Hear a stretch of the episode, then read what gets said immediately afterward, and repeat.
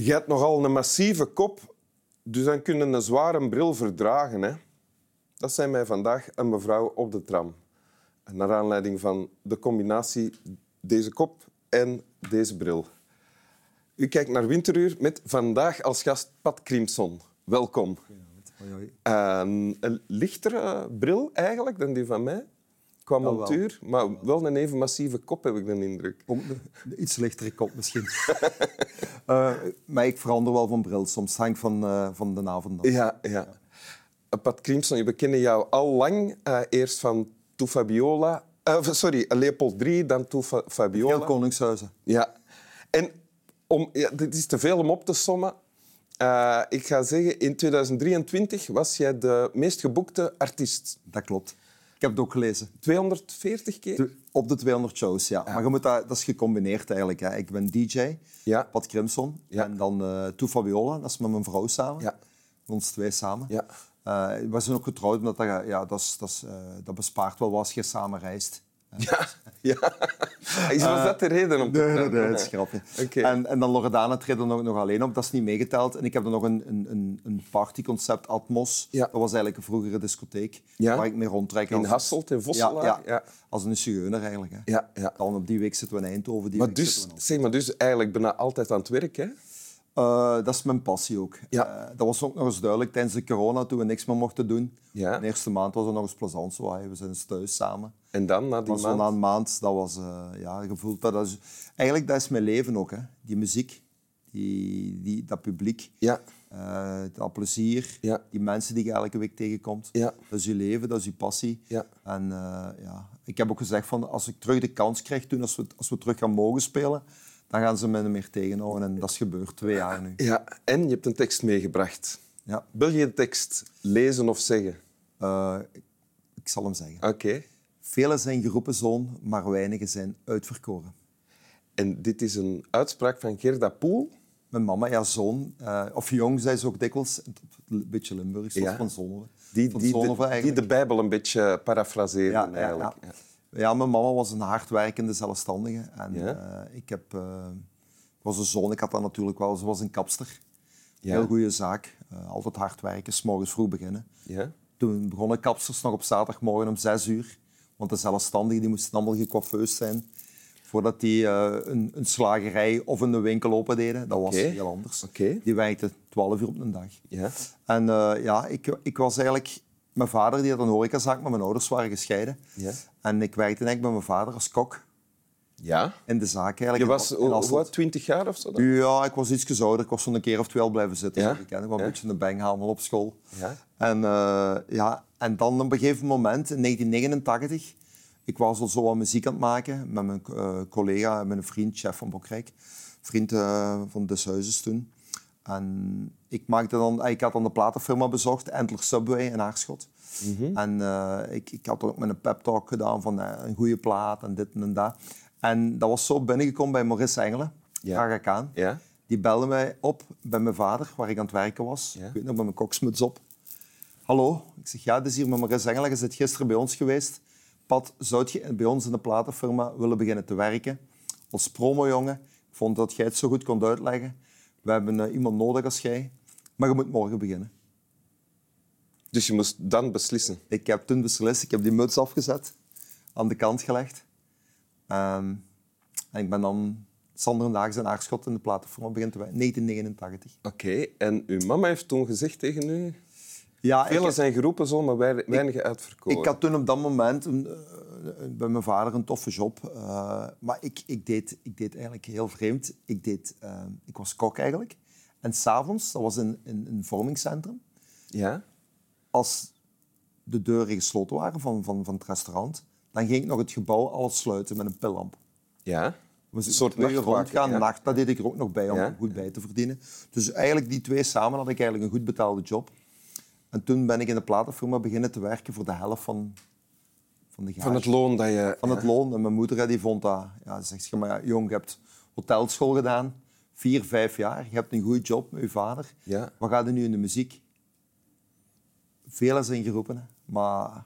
ik Dus wou je ma- eerst voetballer worden. Dat was eigenlijk mijn eerste droom, voetballer worden.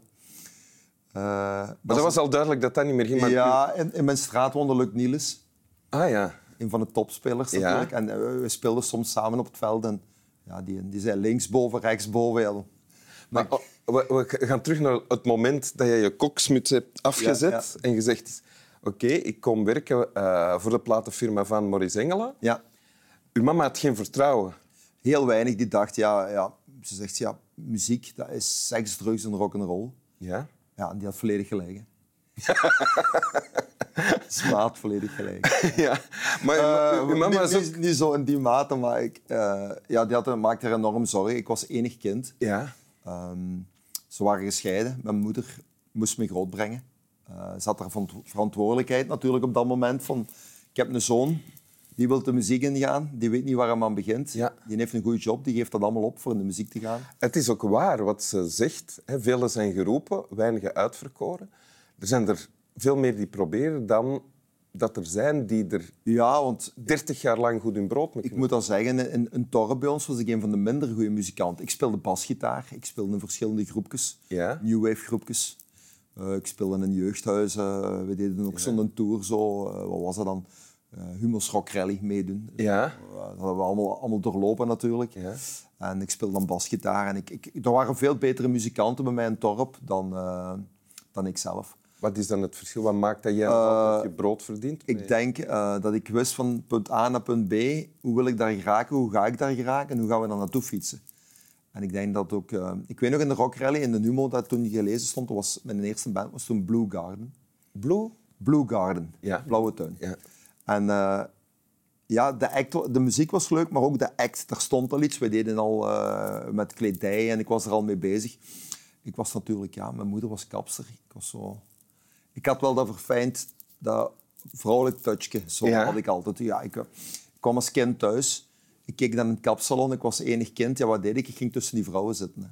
Dus daarom dat ik het zo goed kan uitleggen. Hè.